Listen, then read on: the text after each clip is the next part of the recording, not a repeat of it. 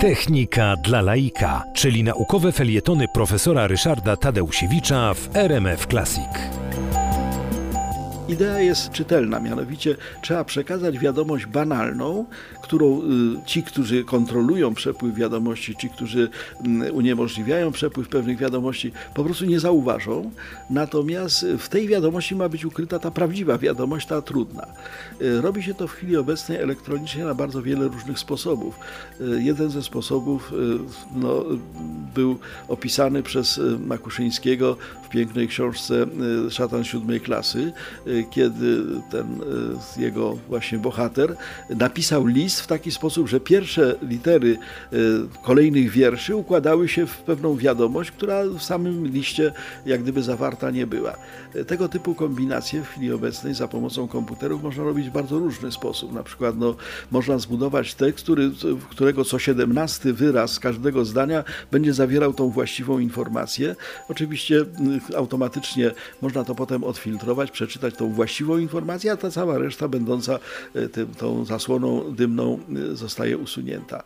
Jeszcze większe możliwości wiążą się z grafiką. Tajniki techniki zdradza profesor Ryszard Tadeusiewicz. Okazuje się, że w chwili obecnej bardzo wiele informacji przekazuje się w postaci obrazów, różnych obrazów, zdjęć, filmów, e, wykresów.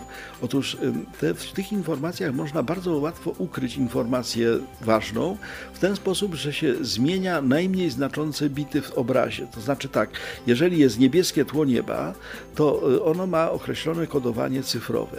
To jeżeli w tym kodowaniu cyfrowym zrobimy zabieg polegający na tym, że ten najmniej znaczący bit, czyli ten, który najsłabiej wpływa na ten kolor tego błękitu nieba, zmienimy na przykład z jedynki na 0 lub 0 na jedynkę, to wtedy e, Gołym okiem tego nie dojrzymy. Nawet bardzo dokładne oglądanie przez lupę niczego nie ujawni.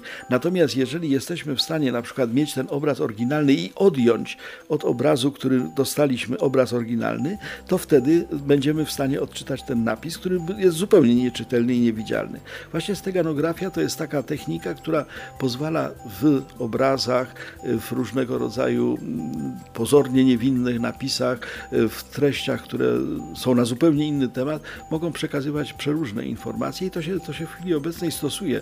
Głośno się o tym nie mówi, dlatego że jest to technika używana między innymi dla celów e, wojskowych, ale e, z całą pewnością steganografia będzie przyszłością, między innymi do ochrony praw autorskich. Jeżeli na przykład zrobiłem piękne zdjęcie i obawiam się, że po wystawieniu go w internecie ktoś sobie je przywłaszczy i będzie twierdził, że ono jest jego własne, to ja mogę sobie umieścić mój podpis steganograficznie na tym zdjęciu i każdemu zawsze będę w stanie udowodnić, że to było moje zdjęcie, dlatego że tam jest schowany ten podpis, a nikt tego nie zauważy.